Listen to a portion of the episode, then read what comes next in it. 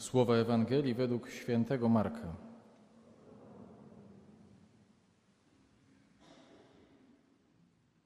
Początek Ewangelii Jezusa Chrystusa, Syna Bożego. Jak jest napisane u proroka Izajasza, oto ja posyłam wysłańca mego przed Tobą. On przygotuje Twoją drogę, głos wołującego na pustyni. Przygotujcie drogę Panu, prostujcie dla Niego ścieżki. Wystąpił Jan Chrzciciel na pustyni i głosił chrzest nawrócenia na odpuszczenie grzechów. Ciągnęła do niego cała ludzka kraina oraz wszyscy mieszkańcy Jerozolimy i przyjmowali od niego chrzest w rzece Jordan, wyznając swoje grzechy. Jan nosił odzienie z sierści wielbłądzie i pas skórzany około bioder, a żywił się szarańczą i miodem leśnym. I tak głosił: Idzie za mną mocniejszy ode mnie, a ja nie jestem godzien, aby schyliwszy się, rozwiązać rzemyk u jego sandałów. Ja was chrzciłem wodą, on zaś będzie chrzcić was Duchem Świętym. Oto słowo Pańskie.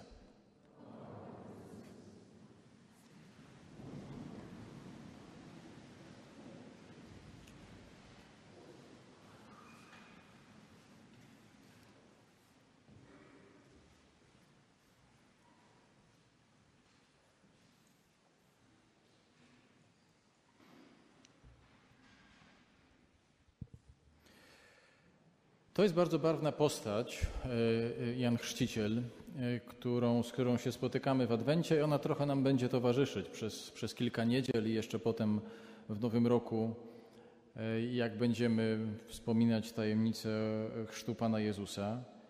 Bardzo barwna i taka dość też eksploatowana przez popkulturę.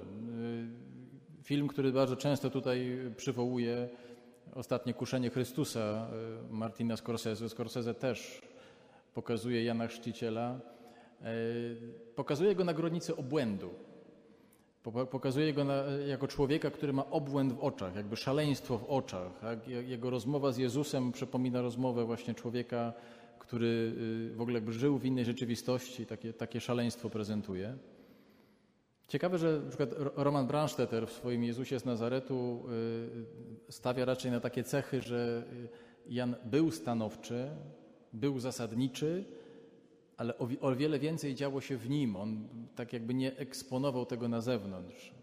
Jak mówił, był stanowczy, ale wiele rzeczy po prostu gdzieś jakoś to się w nim tam kotłowało. Mówimy o nim, że jest prorokiem. Mówimy, że Jan Chrzciciel to jest ostatni prorok, y, jaki pojawił się i łączy ze sobą tak Nowy i Stary Testament. To jest pierwsza rzecz, która jest myślę, że e, taka ważna do wyjaśnienia, uzupełnienia, bo my z tym słowem mamy mnóstwo złych skojarzeń. E, nie wiem jak wy, ale ja przez wiele lat byłem uczony, że jak ktoś jest prorokiem, to znaczy, że on jest kimś na kształt takiego przepowiadacza przyszłości, Y, trochę pani wróżki z kulą, ewentualnie pani z kartami, która tam właśnie wymyśla, jak to będzie kiedyś wyglądało. Nic bardziej błędnego. Nic bardziej błędnego i y, jest to ogromne nieporozumienie, kiedy zaczynamy myśleć, że jak ktoś jest prorokiem, to on nam wyjaśni przyszłość. W ogóle nie taka cecha była i w ogóle nie taki cel był powoływania kogokolwiek na proroka i w ogóle bycia prorokiem. Ten, kto miał taki tytuł i tak się, tak się prezentował przed ludźmi, to był człowiek, który wyjaśniał teraźniejszość. On mówił raczej, jak żyć teraz, jak zobaczyć obecność Boga dzisiaj, a nie kiedyś. On raczej pokazywał, co należy zrobić, żeby spotkać się z Bogiem dzisiaj, dzisiejszego dnia, w tych warunkach, które mamy. Jednym z haseł, które Jan y, zostawia właśnie jako, jako prorok, to jest takie, takie, takie wezwanie do, do ascezy, do samozaparcia, do umartwienia. To nie są takie słowa, które my lubimy. To nie jest tak, że jak ja to wam mówię, to też tak bardzo uwielbiam.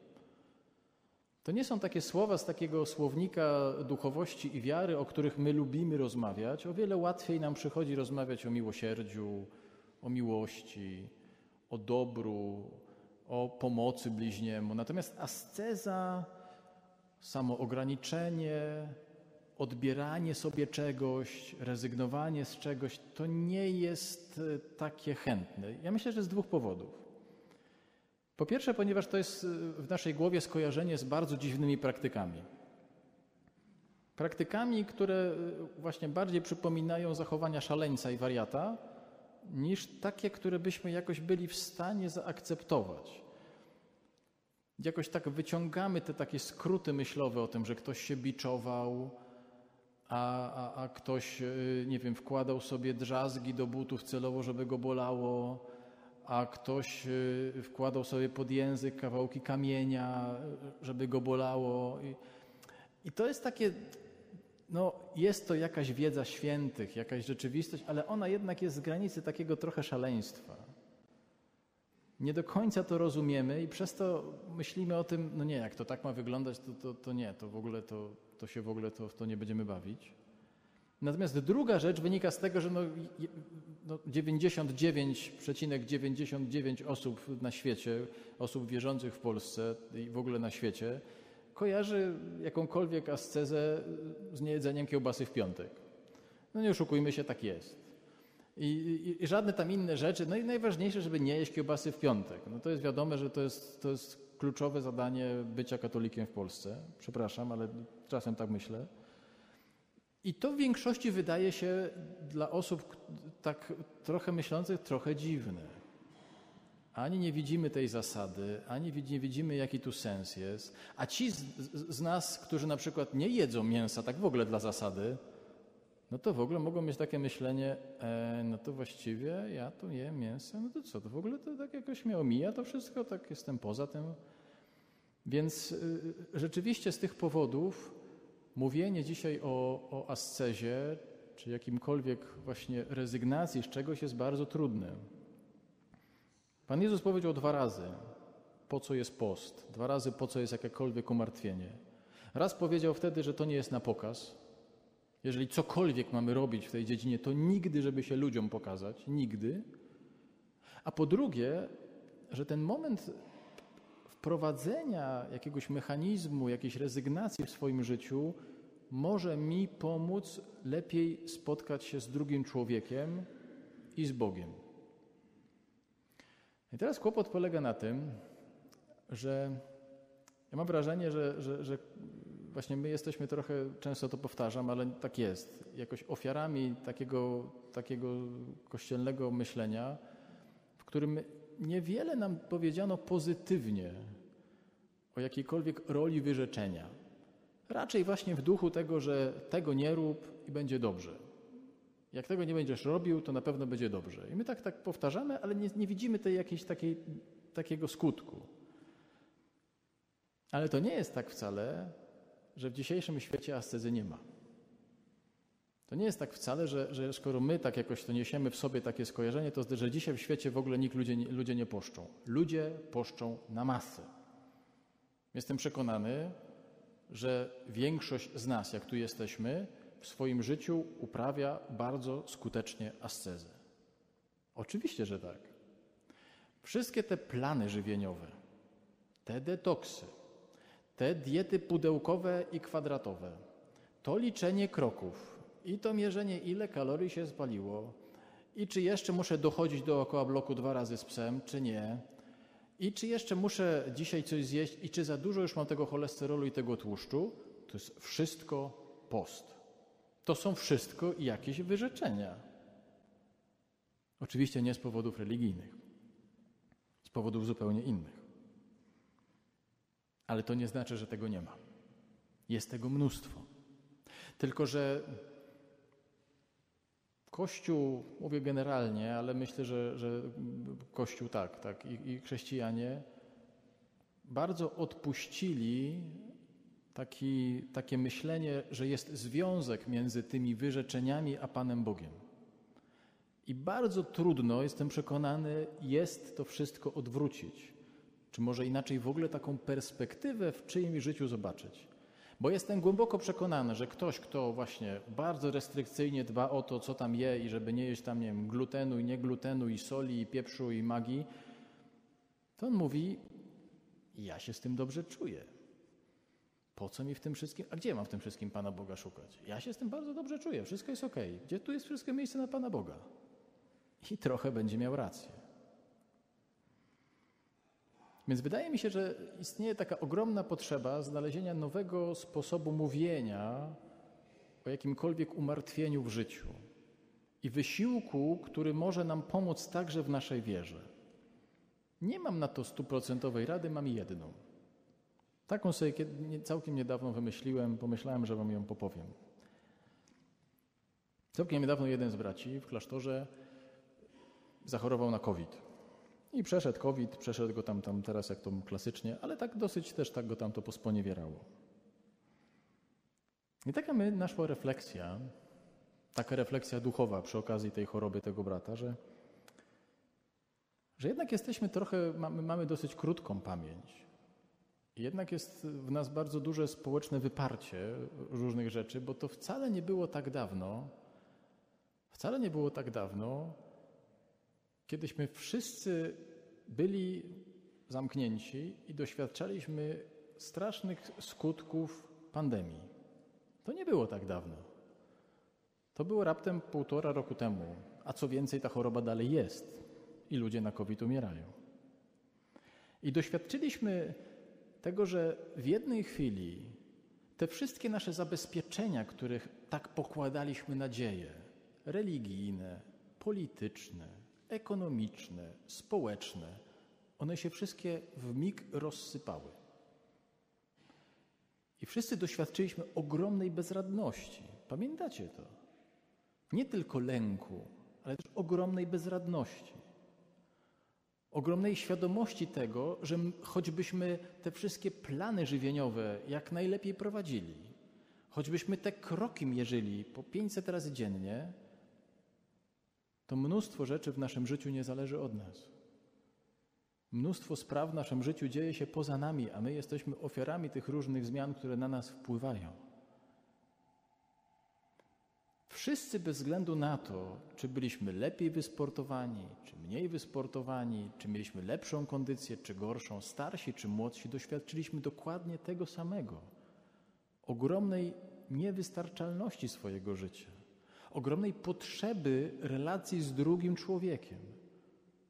Tego, ten, ten, ten mit o samostanowieniu, o tym, że człowiek sam wszystko to da radę zrobić i jak tylko pomyśli i będzie w stanie to zrobi, to w ogóle to się rozsypało w jednej chwili.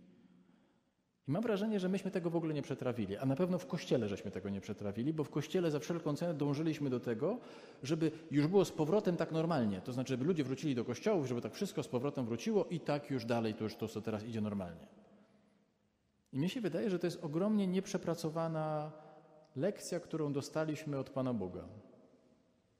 Lekcja takiej, takiej bezradności, takiej zależności, zależności siebie nawzajem tego, że jesteśmy sobie bardzo potrzebni. Przeżyliśmy to strasznie. Wielu z nas przeżyło to w, naprawdę w kategoriach ogromnego jakiegoś poniżenia wewnętrznego, bo my nie lubimy prosić, bo my nie lubimy być zależni, bo my nie lubimy sytuacji, w której musimy coś od kogoś. My lubimy kontrolować swoje życie. I to nie jest zła cecha. To nie jest zła cecha. To nie znaczy, że ja teraz się z niej wyśmiewam. To jest dobrze. No to lepsi są ludzie, którzy potrafią życie ogarniać. Tylko, że nie wszystkie takie zachowania da się przełożyć na wiarę. Nie wszystkie takie zachowania da się przełożyć na naszą relację z Panem Bogiem. Bo z Nim to wygrywają ci, którzy potrafią powiedzieć nie ogarniam. Z Nim mają bliżej ci, którzy potrafią powiedzieć nie potrafię. Jan Chrzciciel y, dzisiaj używa takiego zdania na końcu tej dzisiejszej Ewangelii, gdzie używa pewnych symboli.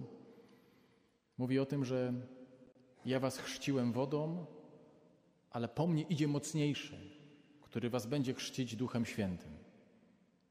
I pomyślałem sobie, że to są dwa takie wywoławcze też skróty myślowe. Woda to jest symbol starego prawa. Symbol takiego myślenia w duchu, nakazy, zakazy, sankcje, przymus, rozliczanie, strach. No w takim duchu trochę jak, jak y, takiego życia religijnego, jak, przepraszam, w takim starym trochę dowcipie, jak ksiądz spotyka y, pijanego człowieka w sztok, tam w ogóle ledwo trzymającego się na nogach w piątek, patrzy na niego z takim właśnie politowaniem, a ten facet mówi, ale mięsa nie jadłem. To jest takie życie dyscypliną zewnętrzną, która się nie przekłada na serce. Ja was chrzczę wodą, ale po mnie idzie ten, kto chce wam otworzyć serce. Otworzyć serce na Ducha Świętego. Jak się otwiera serce na Ducha Świętego? I tu jest zupełnie inna logika. To jest logika, w której mówimy: Panie Boże, nie, że teraz nam przymnóż sił, teraz spraw, żebyśmy byli niezniszczalni, spraw, żebyśmy jeszcze mogli pracować 28 godzin na dobę i żebyśmy mogli te wszystkie 500 prac, które mamy jakoś ze sobą spinać. Nie. To jest logika, która mówi: Duchu Święty, pomóż mi nie zapomnieć, że jestem słaby.